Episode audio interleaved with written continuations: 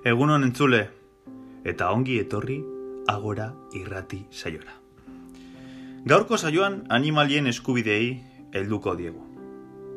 Animalien erabilpena zientzien edo zientzien ematen den erabilpena zuzena alda?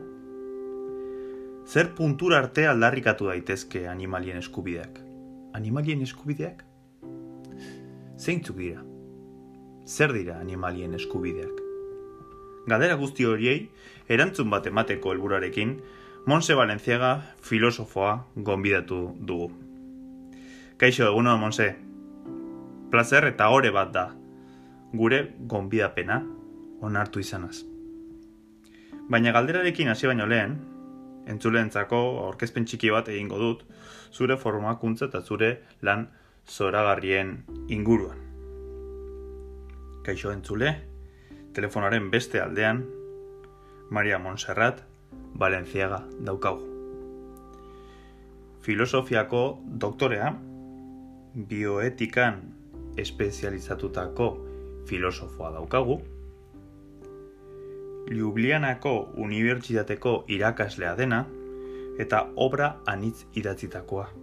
Adibidez, Dogs and Rights, Txoriak txori egaztien eskubide egalariak susak argitaletxeak argitaratutakoa, Slamo Zizek eta Txakurrak, eta azkenik COVID and Animal Rights.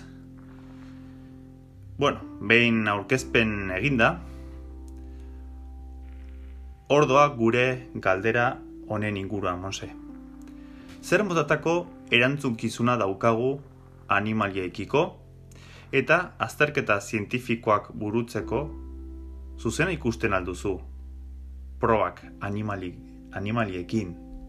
egitea. Egunon, esker. Buenos días, Ibai. Es un placer estar en este programa y que me hayas invitado para tratar estas cuestiones. Para darle respuesta a la pregunta que me has formulado, me gustaría hacer mención a la perspectiva antropológica de Aristóteles concretamente a la división que presentaba sobre el alma. Ya sabes que la, dividía en tres almas diferentes. Como bien sabrás, el ser humano, según Aristóteles, está formado por esas tres almas que comparte con los demás seres de la naturaleza. Con esto lo que quiero decir que tenemos una responsabilidad sagrada con el resto de los seres con los que compartimos dichas almas, que las compartimos. Entrando en la cuestión de los derechos de los animales, queremos dejar claro que nuestra posición es contraria, totalmente contraria al uso de animales en la investigación farmacéutica.